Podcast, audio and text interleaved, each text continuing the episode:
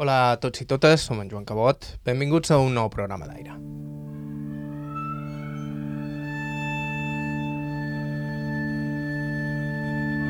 Hi ha gent que no només conserva una memòria espectacular sobre els detalls de la seva pròpia vida, sinó que també conserva la memòria de la vida dels seus avantpassats, com si els avatars del seu llinatge haguessin quedat inscrits en la seva pròpia sang. Històries que varen escoltar tota la seva vida i que han retingut sempre en la memòria, estotjades allà per poder-ne treure coratge i valors que transmetre a la vegada als seus fills i als seus nets. Gent com aquesta no és gens habitual, així que quan te'n trobes algun saps que has estat increïblement afortunat.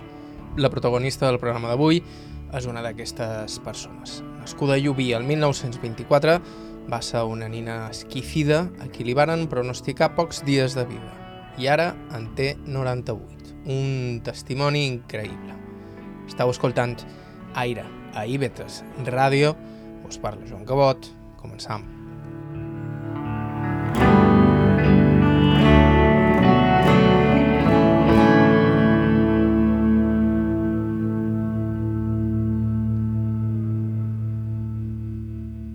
I ho feim amb les presentacions. El nom complet de la nostra protagonista és Magdalena Parelló Ferrer i l'entrevistam en el seu pis a prop del carrer Blanquerna, on el seu home va obrir una farmàcia. Ella va néixer... Dia 27 de gener de l'any 1924. I vareu néixer... A Llubí, a Can Nostra. I vaig néixer tan petita, tan petita, la germà va néixer enormement grossos. I jo, petita, petita. I la meva predina, la mare de ma mare, era de Beneslam, però ma mare era casada a Llubí. I la predina, que de Beneslam va venir per el meu naixement, per ser-hi, va resultar que era missa. I va dir a ma mare, Margalida, fa molt de fred, a tu aniràs a l'ofici, que serà més tard. Era per gener. I la predina va dir, jo vaig a missa de les vuit i tu ja n'hi... I l'hora que la predina era missa, jo vaig néixer. I mon, mare, mon pare va haver de fer de com ara, perquè no van ser temps. I llavors un dependent, que sempre era un escrivent, que sempre venia molt de matí, diumenge, dia, per, el penny tenia la clau, perquè jo no vaig veure mai la clau de claustre. I en Miquel li deien, va obrir i mon pare va dir, Miquel, que nosaltres estàvem en el primer pis, Miquel, vés a cercar la comare. I aquest Miquel va anar a cercar la comare, però jo ja havia nascut. I predina, com va arribar de missa, ja no va trobar. Diu, ai, Margalideta, no l'estimis, no l'estimis que aquella nina no durarà un mes. No li posis estimació. I vaig que vaig durar més de totes. Tenc dos germans, un germà i una germana, i, i ja som morts, però Miquel va morir a 90 i pico també, la germana. La germana va ser d'accident, va morir molt jove. I ja està.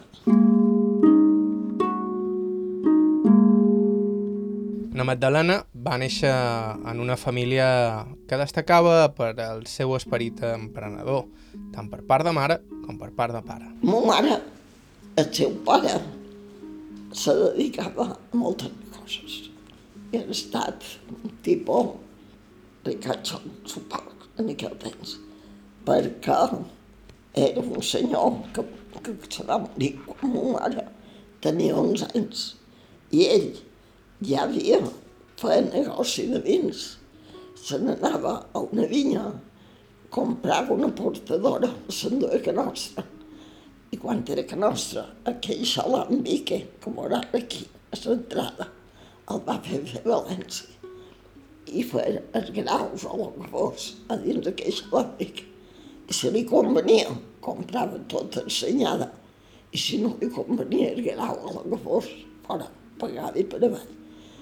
Aquest senyor, de més d'això, va dur fer negoci, albercots secs, albercots en conserva, que eren pots de 5 quilos, que les feia tots que no ens servien a i res, i feia negoci d'això, llavors de figues. també de figues, encaixonades, els enviàvem tot a la península. I tenia ell i un altre, que en l'altre va ser que se va fer socio, els agradava moltes dones. I se'n va anar a Múrcia, no sé on, ho sabia però no me'n recordo, a cercar bous per fer criança. I ell era l'empresari de totes les places de Menorca, de Palma, d'Inca, de Manacor, de Palanilla, de jo, de Muro, d'aquests puestos que hi havia plaça de tot. I va dur a la raça a Son Sant Martí. Son Sant Martí era d'uns senyors d'un tal Gual de Torrella, m'apareix. I aquests senyors pues, tenien molta de, molta d'amistat en el predí. I li van o deixar el contracte o no sé, jo, jo, jo no havia nascut. I van endur vols. I en la classe de, de criança de vols a Son Sant Martí feien estores de per Mallorca. I Maria Rosa encara té d'aquella trerosa que tenen tan grossos, el, el torero tal, torero qual, i tot, tot el que diu, que Binesalem. I, doncs, I també va fer això. També tenia un negoci d'embarcacions i altres, un petit imperi que va haver de gestionar la seva dona quan aquell home va morir prematurament. La meva mare tenia 11 anys, quan tenia una germana, ma mare, que li, li guanyava de 5 anys ella tenia d'haver 16 anys i ma mare 11. Ma mare m'ha va explicar molt, molt, molt. I la predina, jo vaig viure en la predina, dient que jo vaig tenir el primer, l'any 35, va morir la predina, jo vaig viure molt, molt, molt en la i m'ho explicava moltes coses. I la, meva madrina. Era la germana de ma mare, que ja tenia 16 anys, quan va morir el pare, i ja sabia molt, m'explicava coses. I tot això entre papers i xirmes i medalla d'oro de, a Londres, el meu predí, de sobre els, els obercots en conserva, que devien fer, no sé, en aquell temps que feien. Va ser que teníem un, un document allí penjat que deia medalla d'oro José Ferrer Llabres, dir. I era una persona molt emprenedora. Era molt emprenedora, una barbaritat d'emprenedora. En toros, en tot això, que nostra aventura en l'estiu encara en restos d'això. Això la predina també era molt valenta. I la predina va agafar també el mando quan ell va morir. Predina tenia 30 i pico d'anys. I va agafar el mando i va seguir en el negoci. I, i clar, i van, jo, jo vaig viure les parts dels obercots i les figues. Toros ja no, perquè estaven anar a Pequet, els toros. I, i amb això sí que les cases, el socio, després de va agafar una querida. I aquesta querida va desbaratar sota una ambiciosa i, i la meva predina, la mare de ma perquè no li robàs aquell, aquell se va deixar dur per la querida i tot ho volia. I com que tenien les barcasses a mitges i moltes de coses a mitges d'això dels toros i tot aquest serau d'allà, pues, la predina era jove i no se podia tenir no és que fos beneta, perquè era l'única dona a Mallorca que era la corresponsal de tots els bancs que hi havia a Vincent. Ella era com, si vols, que sé jo, els bancs. Anava a cobrar lletres, enviava un parent seu, cobrar les lletres, tot, tot. Jo encara era. La, la Marieta que em posava tot més. I doncs, aquest senyor, degut a aquesta, hi va un, un banderbà de fusta i van xapar. I ma mare, la predina, i si era valenta, que deia, perquè tenien en aquell temps una teta. i aquella teta que teníem va morir a la casa, perquè les estimava molt i, i va morir a la casa. I li deia, escolta, no diguis res als nines. Jo me'n vaig passar dia d'extrem a Palma, un nit.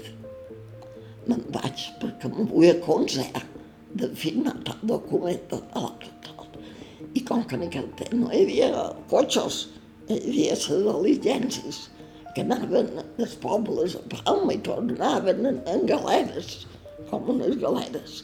Diu, com que no vull que me vigilin, on vaig, ni on no vaig.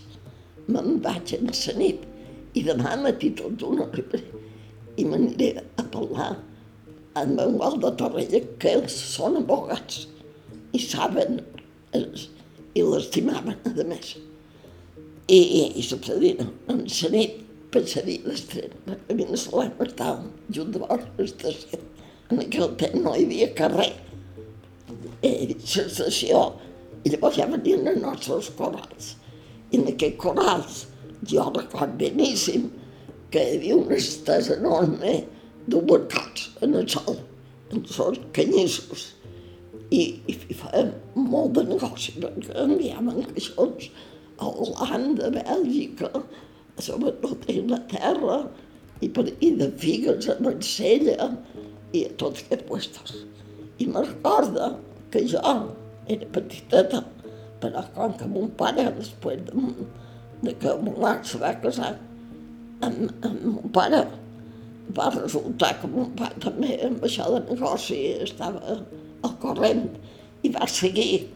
Mon mare ja devia ser la predinera bé, però va dur en manera sempre. I mon pare va agafar tota la marxa de, de que es prediria duit. I això me feia bé estampar amb una, amb una llauneta xuxica de Miguel Perelló, MMP, i una trinxa així llarga que devia dur el número com a d'identitat, que sé jo, jo ho dic així, perquè hi havia molt de números. I jo posava en el tampon i feia així. I llavors llevava el senyal i totes les tapadores les no feia jo. De venir a 500, en tant de temps ho pot fer. Un pare de petits sempre me'l va fer ja responsable d'alguna No, no era allò de jugava mi tot el que vols, però sempre mos agafava responsabilitat de cosa. Mon pare va ser, va ser continuació, diguem, de lo que els prediments se l'havia fet. Però mon pare va ser, jo considero una excepció, una persona excepcional, perquè un home que en els 14 anys se deixa d'anar a escola, que va anar amb el mestre Vidal, que tots els els alumnes del mestre Vidal dins el poble de Llubí se van conèixer. Eren, encara ara, encara ara no, ja no morts, però vint que han viscut s'han conegut, sigui perquè era un fe de fuster, l'altre que feia de ferrer, l'altre que feia de mercader, l'altre que tenia una botiga, l'altre que feia una farinera. Tots, tots els alumnes que va tenir el mestre Vidal se van distingir. Mon pare va anar fins als 14 anys a escola. En els 14 anys se va voler ficar en tàperes. Tàperes. Va agafar mostres de tàperes. Va agafar un barrilet. Se'n va anar a Marsella. No havia rebut mai ué, no, Macià, res. Va agafar un llibre que se deia El francès sin maestre que va ser d'aquí a Marsella, en barco, en el material i en tot, devia conèixer qualcú, perquè va llogar un magatzem no sé què, per tenir les tàperes, perquè llavors allà, el matí, diu, jo me n'anava com un senyor, vestit ben arreglat, i duia a, a mostrar unes botelletes, jo com si les vegis així, coloret oscur, en tàperes vint d'aquelles de puntet ben petitones i les anava a oferir a, a restaurants bons, a bons hotels, a gent d'aquesta així, anava a oferir. I si li deien, en volen tant de quilos, en volen tal o qual. Llavors, de cap vespre, se posava amb un bavero de repartidor i se n'anaven amb un carret. I aquells, aquells bidonets que tenien, que serien barrils, barrilets, a damunt del carretonet i anava a vendre tant de quilos, tant, tant, tant, tant. I d'aquells que parlava un francès horrorós, però s'entenia, perquè parlava un francès amarcellat, escarós per nosaltres que havíem après francès de París. Però se va entendre tot. Va anar a Nantes, va anar a Dijon, va anar després del millor a Amiens, Bové, Bové bé, a tots aquests puestos així. I va anar a fer clients i clients i clients. I llavors ja li enviava en Marco. Els que, els que volien, no? O que vols. Però, sí. I, per cert, que quan se va casar, això era de jovenet de 4, 14 anys i 15 i 16. Llavors va voler posar una lambí i va fer licors. I al principi va llogar un químic i no, no hi havia manera, perquè el químic el pagava, es predia de lloguer, feia de mercader. I ell li havia encara votat que volia que sí fos mercader, perquè jo tinc totes les possessions millors de Mallorca, que ja les tinc de, de clients. Per tant, ja li tens la feina feta. I en Miquel ha de mercader. I en Miquel no volia ser mercader. En Miquel volia ser com un germà de sa mare, el tio Geroni, només Geroni. I també era negociant amb bessó i coses d'aquestes. I tenia el primer cotxe de lloguer, el tio Geroni. I, i hi havia un pare que Vilà que volia ser com aquell. I no volia ser mercader. I no, i no va voler ser mercader. I es prevé demanava als amics que, tal en Miquel, que tal que em fa el licor com el pa, i còcoli dolent i car. I jo es prevé, bé, bé, bé, bé, com que dit se desenganarà. I mon pare havia estat tan, tan cabota. Vinga, vinga, vinga. Va despatxar el químic, se va posar ella a provar i provar i provar i provar. I un dia, que no me recordo exacte, si era dia 11 d'agost, o si era dia 1 d'agost d'un any, que no me recordo, que ell era jovenet, i va dir a un que després va ser el cunyat seu, va dir, no t'hi ollaràs, nen llorans, prova que s'ha que van dur que s'ha i damunt el coll des, de la cisterna diu, me va posar així una copa de bolsa. Ui, Miquel, si féssim aquella casalla, ja podríem investir a tots els bars de Mallorca. I perquè molt millor que aquest altre, que era el millor que hi havia aquí, no sé què era. Si fos, i diu, i que això ja l'he fet. Va dir, mon pare, si és que tu ja te pots anar oferint-la a tots els... I aquest tio Llorenç, que llavors sabia, se va quedar amb una germana de mon pare, que ja eren majors, però encara van tenir un infant. I, de, i se'n va començar a anar amb, aquelles, amb aquella casalla a oferir, oferir, oferir.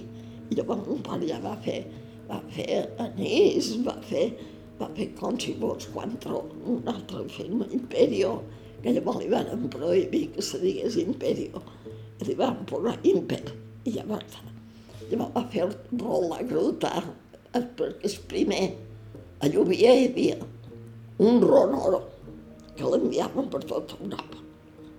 I aquesta gent, que era de Caleró, li deien, de Malnó, Caleró, i el, el qui ho va fer, que era l'abuelo d'aquell que nosaltres vam conèixer, va ser una persona molt emprenedora i feia gloses, també, aquest senyor, de Ronoro.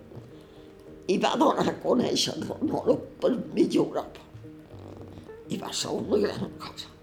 Total, que mon pare allò li devia cridar l'atenció I també va fer ron, i va fer cansall, i va fer palo, i va fer de tot.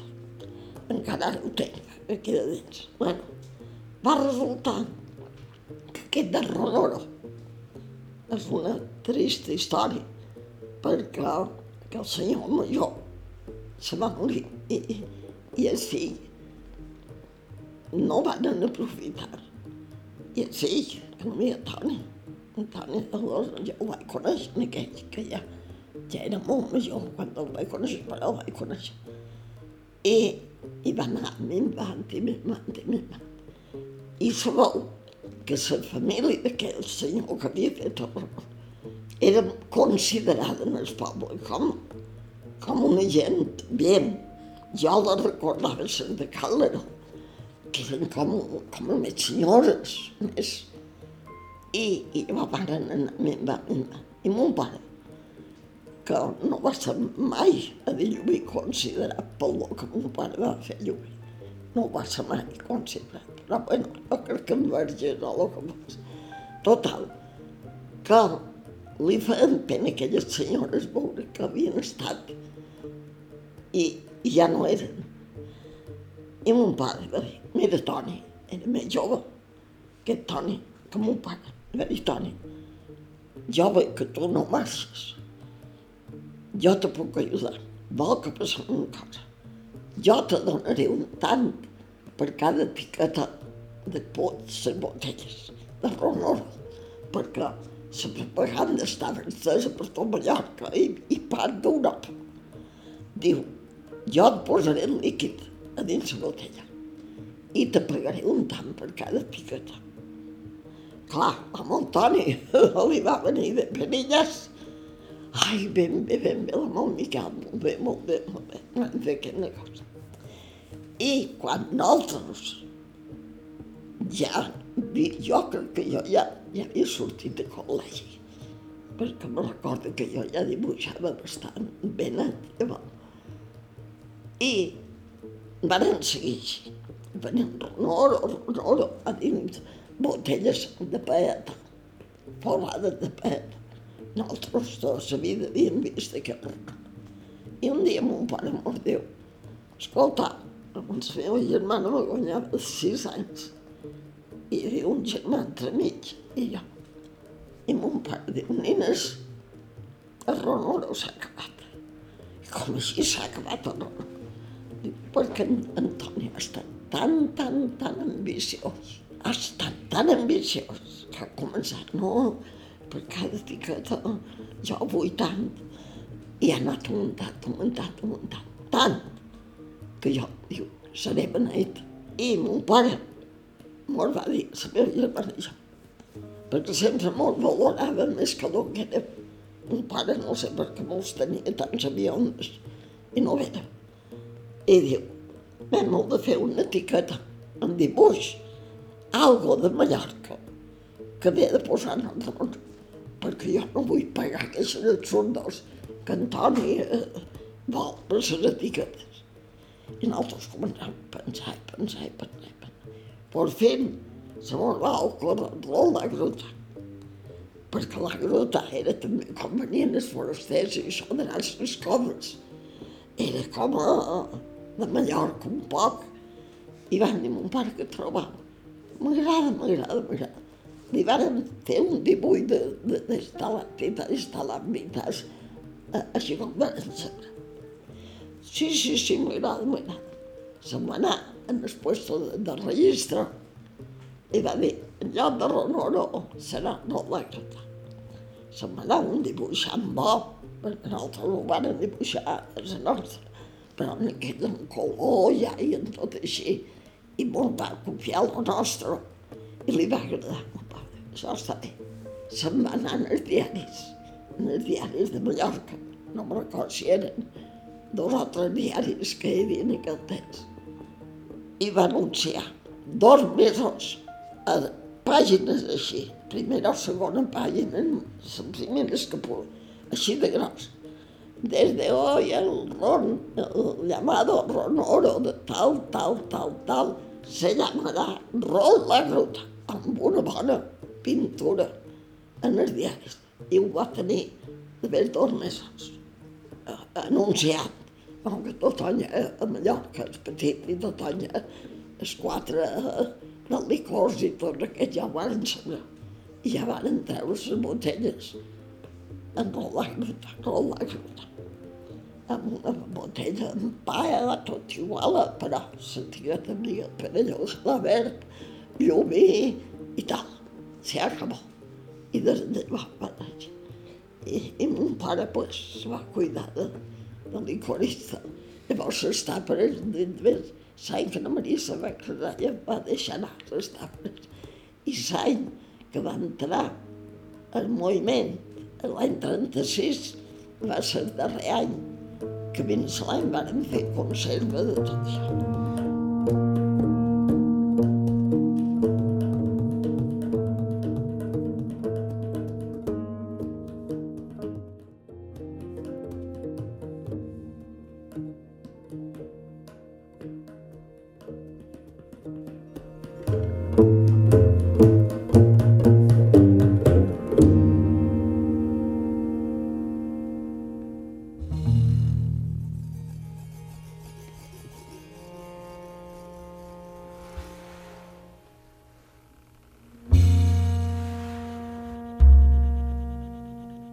Hola de nou, som en Joan Cabot, estàu escoltant Daire i Vetre Ràdio i nosaltres avui estem escoltant la història d'un testimoni excepcional, Magdalena Parelló Ferrer.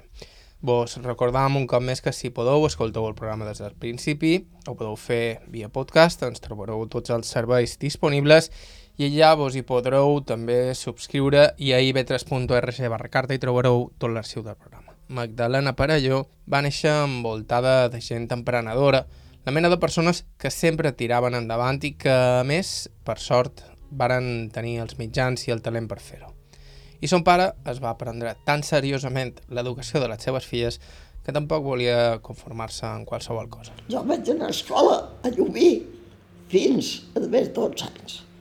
I llavors, com que la Maria ja l'havien posat en el Planinco, mon pare se m'anà per l'educació nostra se m'anà no sé com, perquè de llum hi havia de ser pensionistes, no, no, no hi havia allò de dinar i venir, com ara fan els soldats del meu, jo, del meu fill, que agafen el cotxe i van a l'escola Palma i se'n tornen.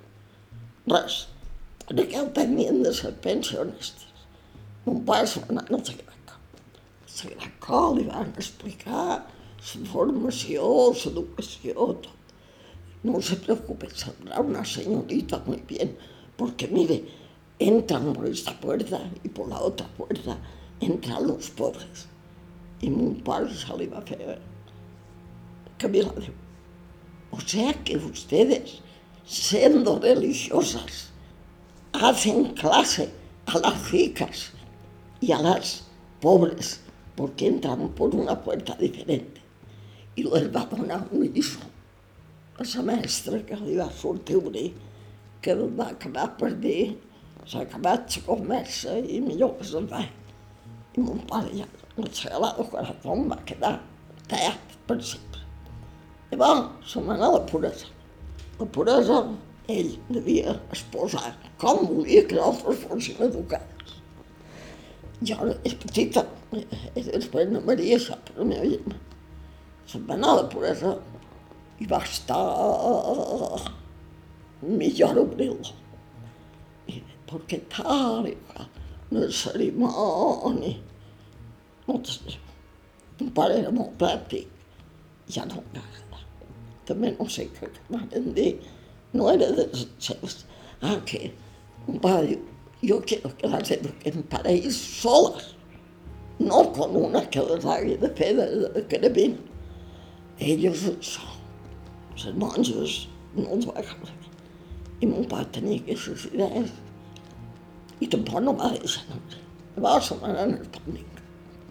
Diu que quan va tocar una campanina, no sé què, el timbre, en un moment va sentir tat, tat, tat, tat, com el rosari de saber. I les seves normes eren franceses, però les seves normes li va, li va agradar. Mon pare aquí quedarà. I ja hi va dir, no Maria apuntada, i no Maria va ser estem de la república, que jo sé que estem de la república un dia i van anar uns obrers en el pònding que quan la Maria estava interna i van untar les portes de la capella i, i les portes d'entrada de benzina perquè no volien pegar foc. I les monges se'n van entamar. I la que vaig tenir jo de madre, que era antes la sacristana, diria, que no pintava res quasi cara. Va veure que l'assumpte i se'n va anar en el pis, la bandera francesa en el d'això i va dir, va obrir. ¿Qué hacen ustedes? Esto pertenece a Francia. Y porque esto la tal y va treure documents que esto no es, no es de, de, de monges, esto és tal, I havien fet les monges ja previsió del que és en la república. I això. I vam posar la titular respondint que a la Madalena Pons, li vam posar, tenia germà, que era en, en Fèlix Pons, li posaren el titular respondint que de la monja de Santa Teresa. Clar, i aquells republicans, com republicans o, o anarquistes o no sé què com varen veure que la bandera francesa i que aquell allò no era de monges, sinó que era d'aquell nom, diguem, i, i se van fer pau i partit. I les pensionistes, la Maria, estava en el, en el dormitori amb totes les pensionistes i una de les monges a per viu per darrere i cap a, la casa de xofer. I amb una plaçada les dugueren per la part de darrere del pònding cap a casa de xofer. De Joan, que no sabia de xofer, de, de, que anaven a casa ni pensionistes. I les van tenir tota la nit allà. Llavors les enviaren al poble i aquesta cosa va estar calmada.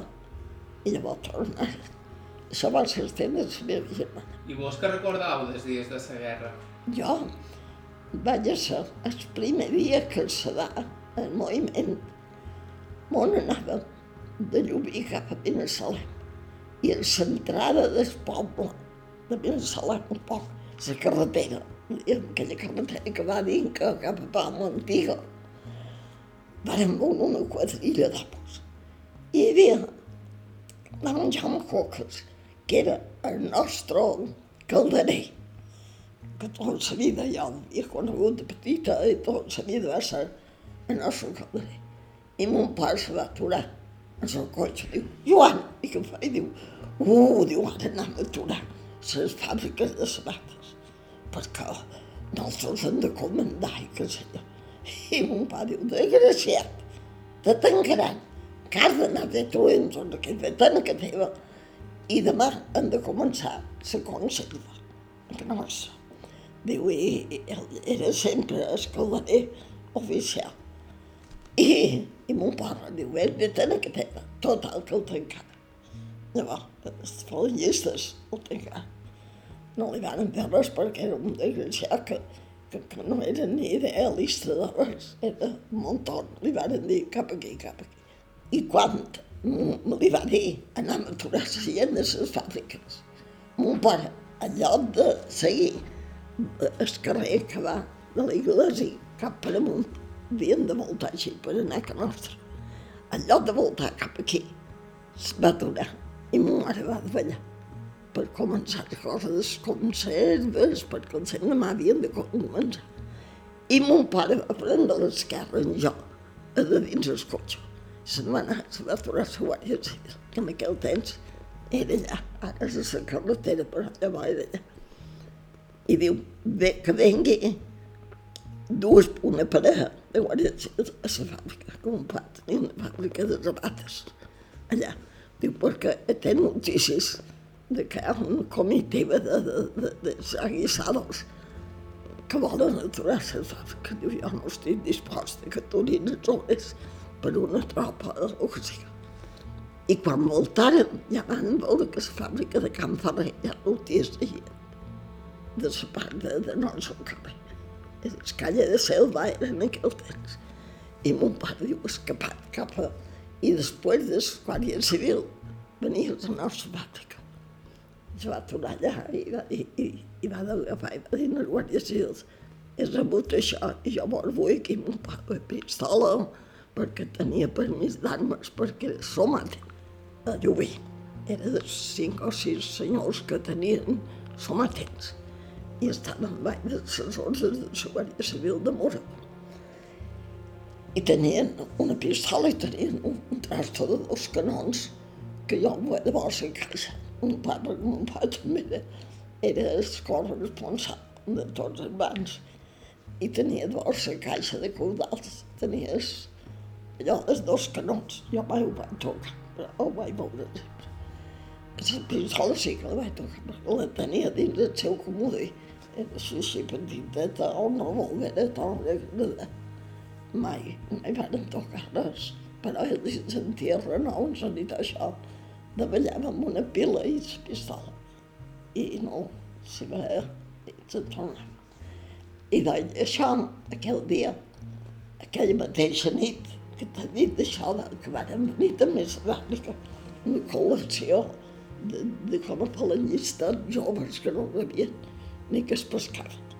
Recorda que n'hi havia un que duia com a arma duia un, un plom, sí, amb un, amb un fil d'emploma, de, d'aquest que fan els, els picapreders que, miren exacte. I fa així. I mon pare va dir, escolta, posa els anys butxaca, que te pot fugir i, i, i pot fer qualsevol. Mon pare devia tenir cara de respecte, o no ho sé total que aquell se va clar, jo petitona, allà més de conconir, veient el panorama. Jo tenia 12 anys, més o menys. I, i aquell any, per l'octubre, ja me van posar en el Pandingo. I vaig estar vint de 7 anys, fins a de 7 anys, l'any 41. I, i allà, doncs, vaig prendre el, el que m'havien fet, vaig voler fer piano i vaig, i vaig fer la carrera de piano. El que el vaig acabar ja sortint, ja d'allà. I, i, I jo vaig fer mon pare, el seu, el seu capet de, com a d'estudis. No el fiava d'ell i anava a consultar el pare Cerdà, que era un frare d'Inca, molt sabut tenia el meu germà, o tenia, a Sant Francesc, que va fer tot el batxiller. Llavors se'n va anar a Madrid a fer química. I, i li, va, li consultava de Maria i meu, i em va dir, quant any té? Diu, 12.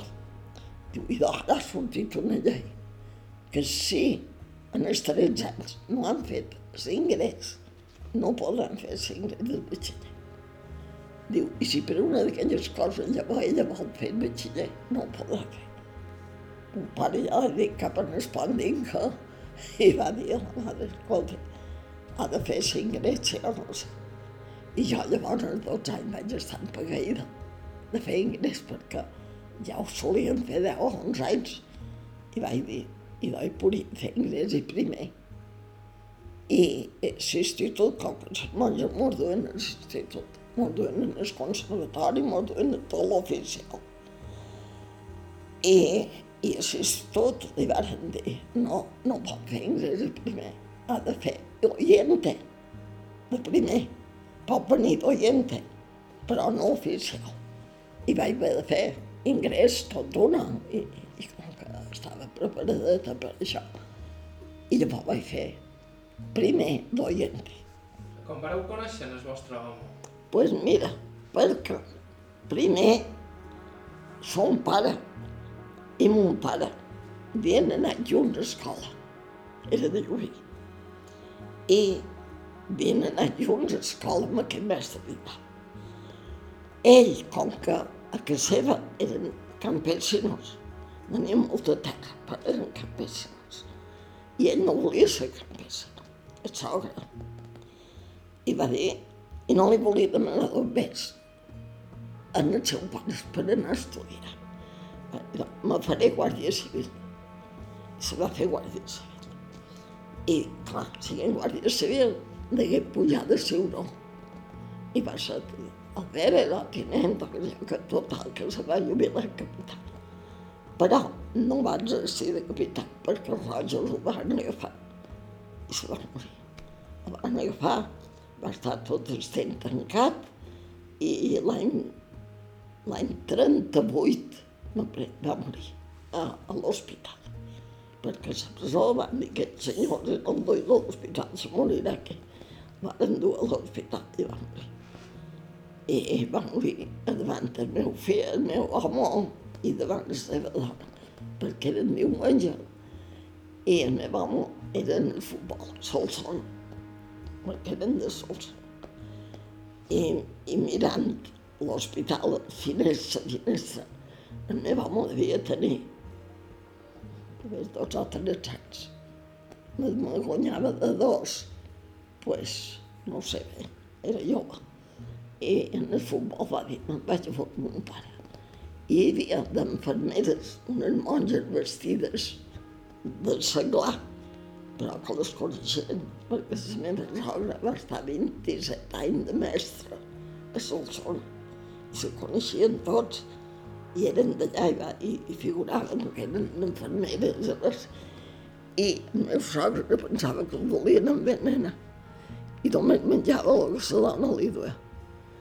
I la monja també li duia que sé jo, cosetes, però ja va estar, ja se va molt malament.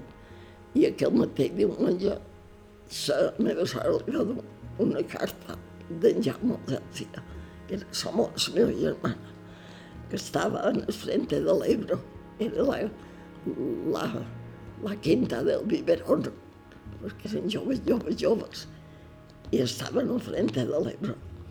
I va, li va dur carta i va dir, me tenia molt preocupat.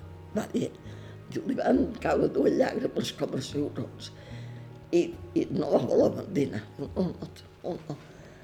I, i la monja va dir, li faré una tisana o no sé què. I en el moment que li duia, va morir.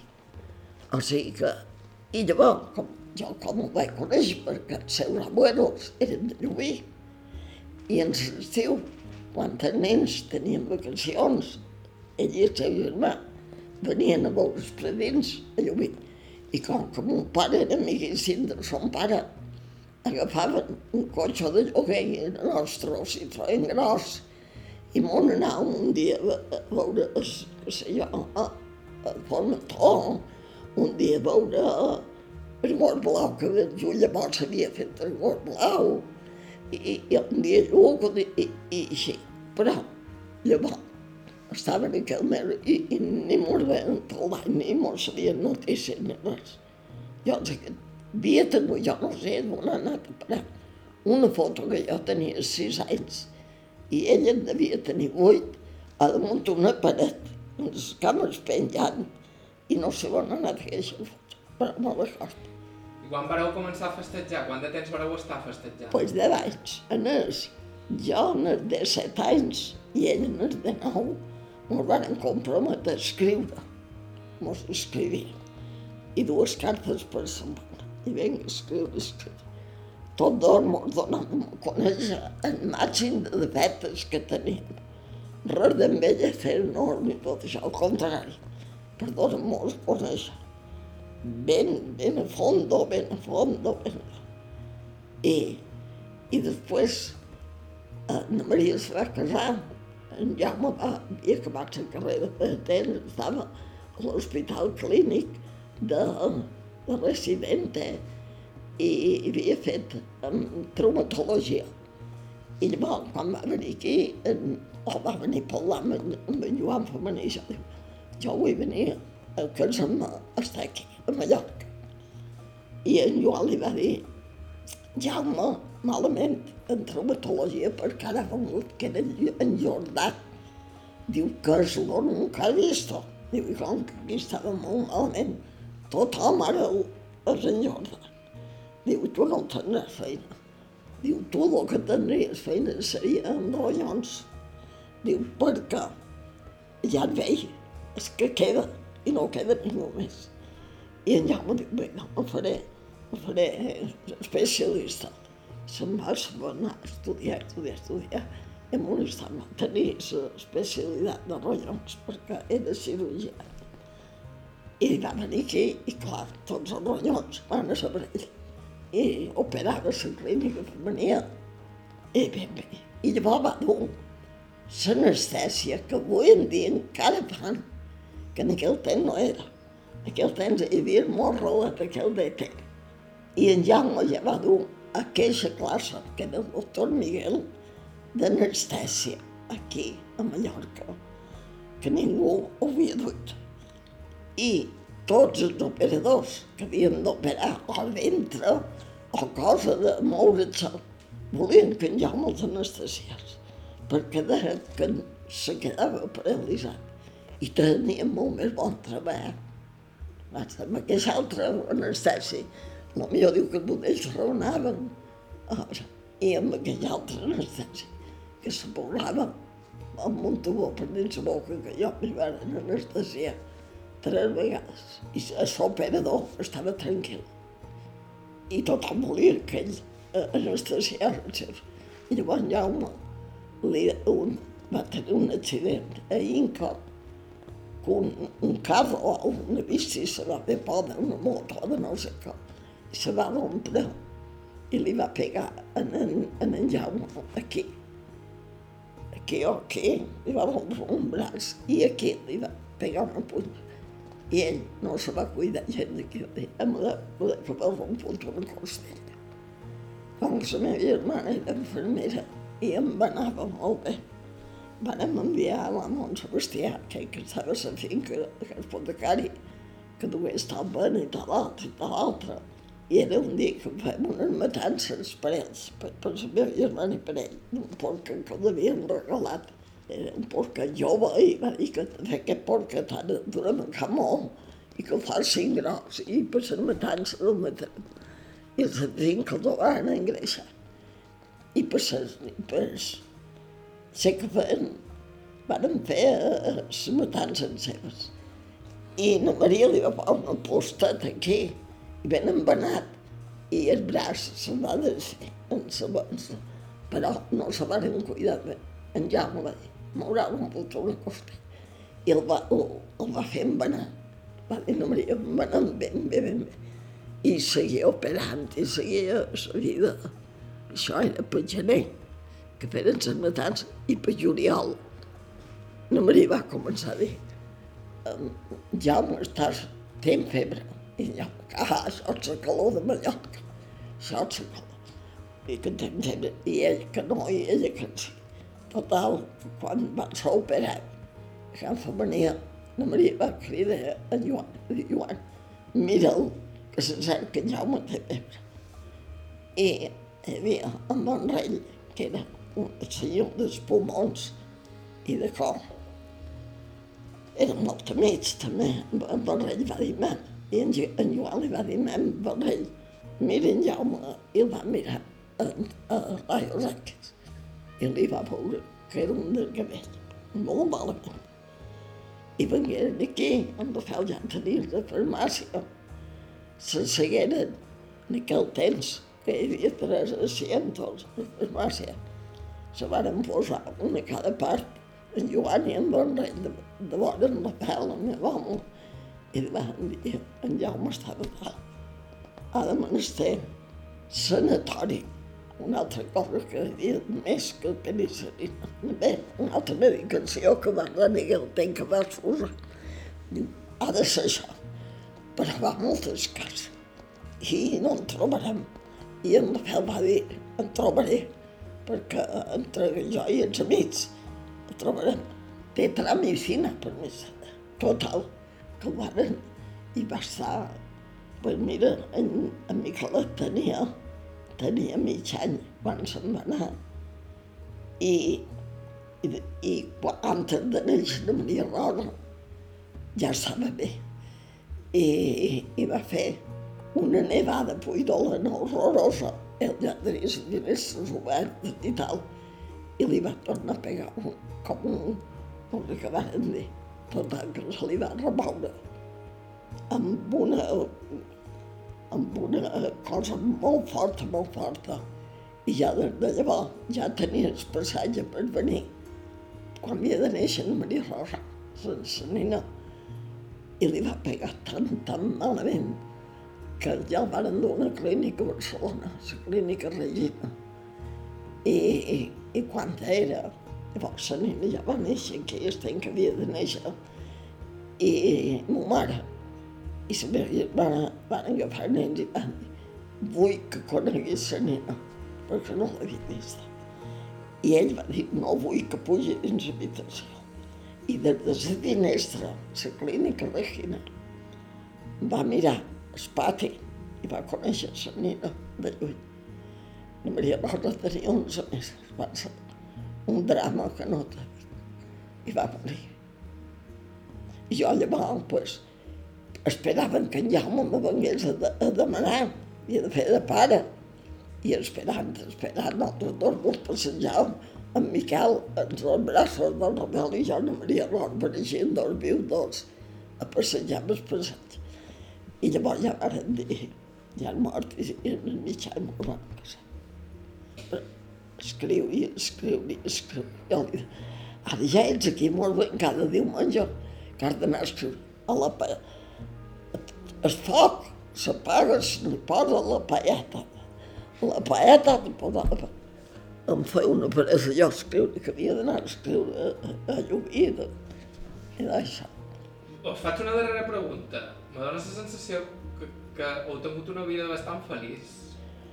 Amb ell va ser una felicitat tan, tan, tan extrema, una delicadesa que no t'ho puc contar, perquè això només ho puc saber jo. Amb una delicadesa tan, tan, tan, que només demana a Déu que doni una dècima part d'així com van tenir el meu matrimoni. Una dècima part en els meus descendents. Ja em seria conforme. Per això, bueno, una, només t'he de dir que cada dia 24 en són 28 anys que vàrem estar junts, casats. Cada dia 24 me doy un detall, o un mocador de fi, o una flor, o jo. Ja, perquè m'agrada. I està, el dia 24. I el dia de Sant Bartomeu, mos vàrem dir que mos escriuríem. I era a Jornats, la festa de Jornats. Està clar que allò d'escriure i contar-se els defectes fins al darrer detall els va funcionar molt bé.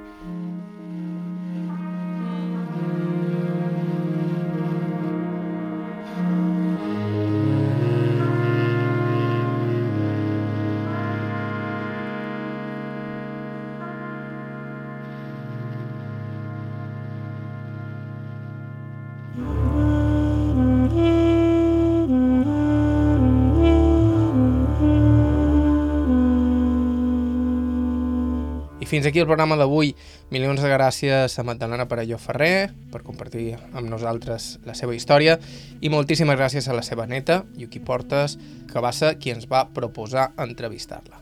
Si voleu fer el mateix, ens podeu escriure a aire.ivetresradio.com us podeu subscriure podcast d'Aire a qualsevol dels serveis disponibles i a ib3.org barra carta i trobareu tot l'arxiu del programa. La música que ha sonat avui ha estat de Joshua Abrams, Marisa Anderson i Charles Rumbach.